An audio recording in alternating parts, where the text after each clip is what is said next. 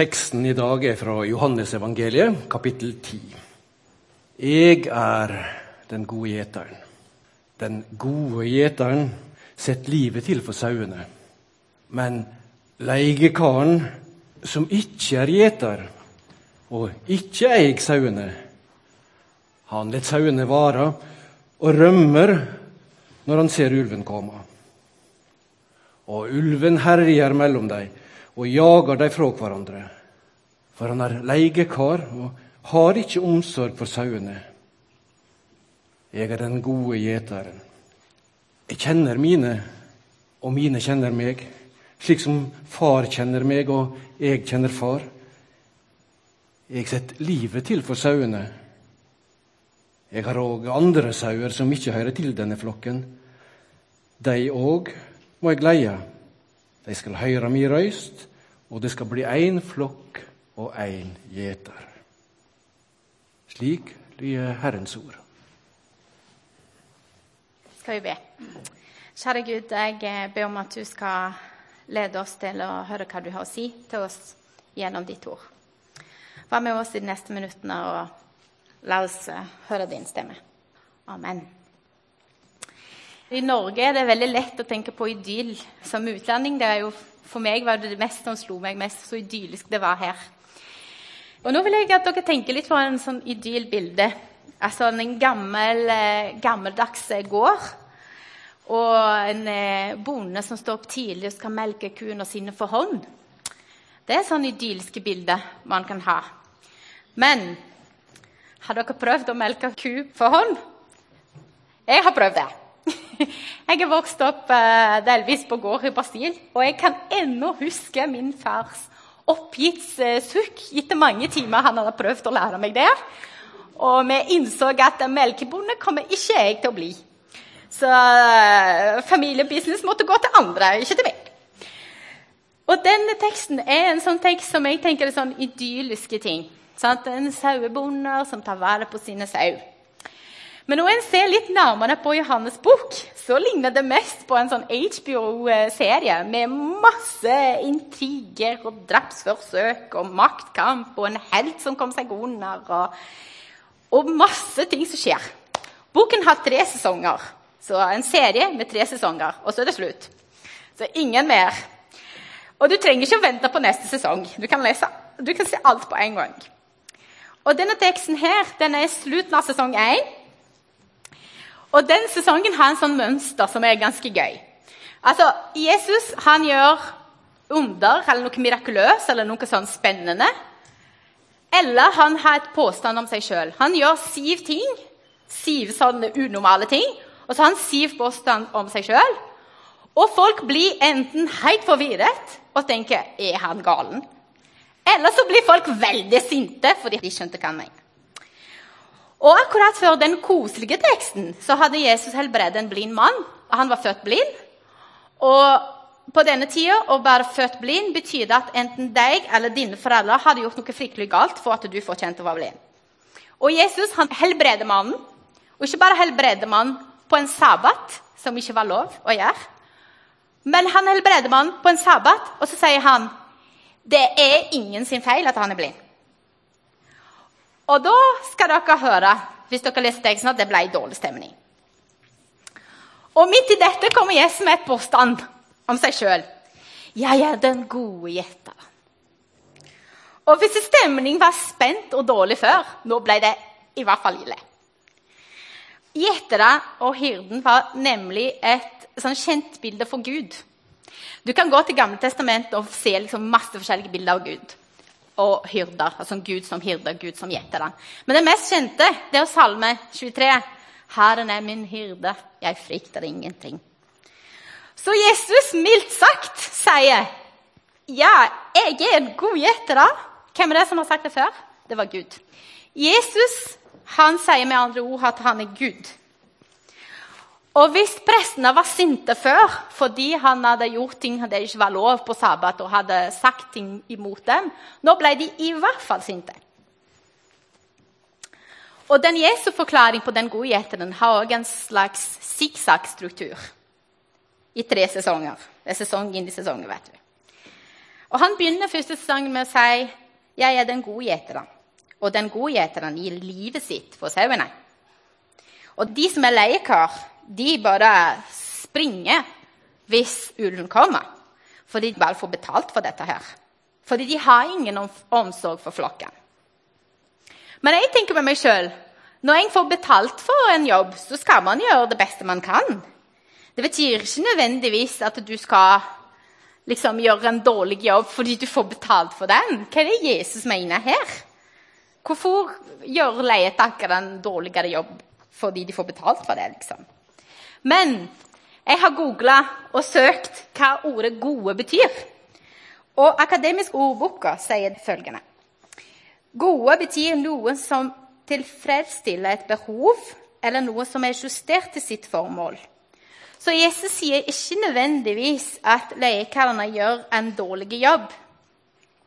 Men hvis de skal tilfredsstille behovene som sauene har, så må de gjøre mer enn det de får betalt for. De må faktisk risikere livet sitt. Om ulven kommer, så Det kan koste deres liv.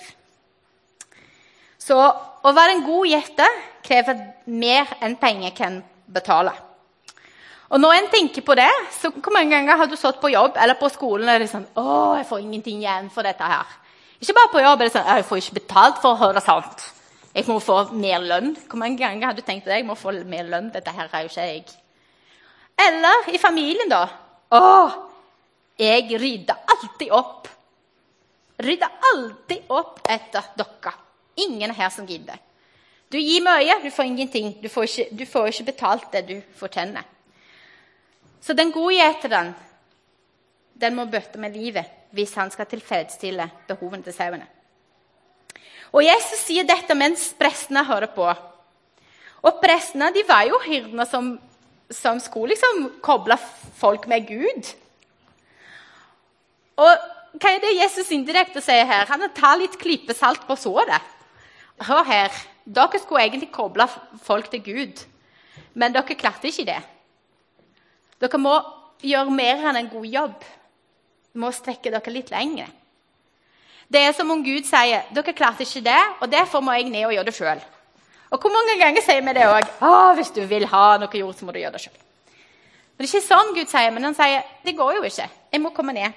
Jeg skal gjøre det sjøl. Og mange ganger har jeg spurt meg sjøl ok, hva om min jobb eller skole eller vennskap eller noe sånt hadde bedt meg om noe som er dyrebart? noe som koster livet, hadde jeg stukket av. Om ulven kommer, hadde jeg stukket av. Jeg spurte en konfirmant en gang. Vi snakket om tilgivelse. Og jeg spurte liksom ja, Bør man tilgi alt? Så sa han ja, selvfølgelig. Man må jo tilgi. Hvorfor må man det? Ja, fordi det er det rette å gjøre. Og så sier jeg, Men hva om noen gjør noe stygt med mammaen din, da? Nei, da skal de få høre. Så det ble jo veldig kort. Så jeg tror ikke vi klarer det. Men Jesus han eier sauene. Han har omsorg for dem. Han vil ta vare på dem, han bryr seg. Han vil gi livet for dem. Og Jesus han er ikke bare Gud. Han sier ikke bare at han er Gud, men at han, Gud, skal gi livet for sauene sine. Han er villig til å gå langt for å gi oss det vi trenger. Han er villig til å gi sitt liv, og han ga sitt liv. Og Så begynner Jesus med andre sesong. da. Han begynner igjen. Jeg er en god gjeter. Og her skifter litt fokus. Ikke på hva en gjeter gjør, men hva slags relasjon en har. Fordi han sier 'Jeg kjenner mine, og mine kjenner meg'. Og På denne tida der var det sånne store fjøser hvor folk kunne ha sauene sine inn for natta. liksom. Men dagen etterpå, tenk på det, 30 gjetere kommer og skal hente sauene sine. Hvordan skal de finne hva sau er hva? Så det var jo ikke sånne fine markering på ørene som er i dag. sant? Det var jo ikke det. De kunne litt se litt på øret, litt sånn. men det mest effektive måten var at de hadde navn på sauene, og sauene kjente igjen stemmen til gjeteren. Så de kalte jo de ut. Jeg kjenner mine, mine kjenner meg. Så Jesus han er opptatt ikke bare av de store tingene, en bok med regler du skal føle men han vet hvem vi heter. Han kjenner oss og vil at vi skal kjenne han. Og når vi tenker på de store utviklingene i verden, vi kan få en følelse av at vi klarer alt, vi løser alt. Det er en logikk bak alt. Og Jeg hører ungdommene si ja, men dette med tro og Jesus og sånn, det er bare sånn eventyr. Det henger ikke på grep med 2020. Vi har jo vitenskap. Vi har jo alt forklart. Og det er nesten som vi ikke trenger en eh, god gjetter lenger til å tilfredsstille våre behov. Og jeg er jo en stor fan av vitenskap. Det var det som hindret meg i å tro. Men det var noe jeg leste masse om det, og at vitenskapet sjøl sier at de ikke har behov for å forklare alt. Og de forklarer ikke nødvendigvis hvorfor alt er som det er. Hva er meningen med det? Hva er mening med vel oppgående folk som møter veggen, som blir utslitt?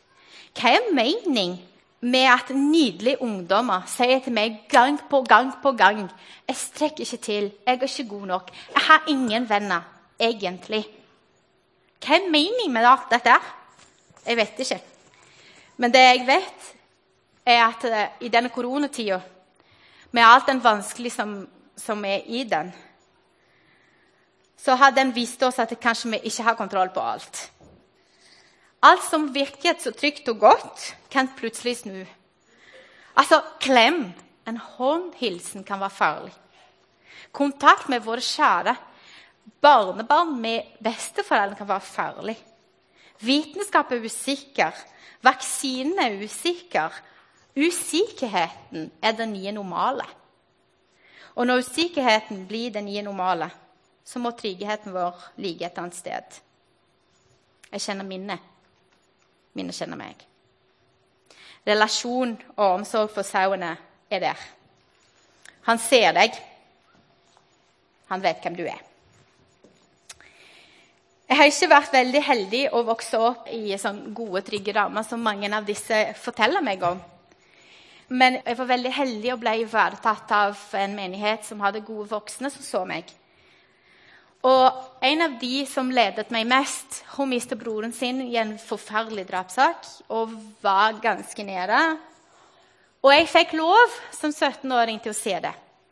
Og hun sa til meg jeg sliter med å høre Gud. Jeg ser ikke han. Jeg er sint, jeg er lei. Jeg klarer ikke. Jeg må bare legge meg for Gud nå. Og om noen uker siden jeg hadde en dårlig uke, veldig dårlig uke, var ganske nede. Og akkurat hun sender meg en melding. Ariani, det er mange stemmer inni vårt liv. Det er status, det er jobb, det er familie, det er venner, det er skole. Vi søker trygghet. Vi setter vår lut til alt. Men det er i den gode hyrdestemmen tryggheten ligger. Hør på den. Og For meg var det så sterkt at hun sendte det. Og akkurat når jeg leste melding, så kom det bilde av henne i stua hennes med en kaffekopp, og hvor mye hun gråt, og at nå er jeg sint og lei, nå skjønner jeg ingenting. Jesus han starter siste sesong med sin gjetersamtale med å si at 'jeg gir livet mitt til sauene'. Jeg har også mange andre sauer som ikke hører til denne flokken. De òg skal jeg lede. De òg skal høre min stemme. Igjen, Dette var litt revolusjonerende, fordi folk i Israel trodde at det bare de som var de perfekte, de utvalgte. Og de var jo de som skulle få alt. sant? Men så Jesus sier her nei, det er andre. Min stemme er for alle. Den skal deles. Og når vi får den kjærligheten, den relasjonen han vil ha med oss, så kan vi ta det og så gi det videre. Og For noen blir det veldig lett. Temaet for i dag er sånn omsorgsfull hyrde. og Det er jo en temaserie som menigheten har hatt om nådegaver. Det er noen folk som tar det veldig lett og tenker på andre og tar seg av andre. passer på at alle er med. sant? Men for andre sånn som jeg, så, så blir det litt krevende. For nå kan vi si, uker siden så hadde jeg en illsint person på døra. Det var ikke jeg som åpna døra, heldigvis. Det var mannen min. Men den personen var veldig sinte og kjefta i et kvarter fordi hunden vår har drevet vært i bakgården og bjeffa og bråka for hele nabolaget. Dag etter dag etter dag. Og jeg ble liksom, det ble en blanding av sinne. At, å, hvorfor kunne du ikke sagt ifra før, da? Men jeg ble frustrert. Men mest det var sånn enorm skam. Det var sånn skam jeg følte. Hvorfor var vi ikke flinke nok til å høre på at han bjeffer, han plager andre? 'Hallo, kobling, ta han inn.'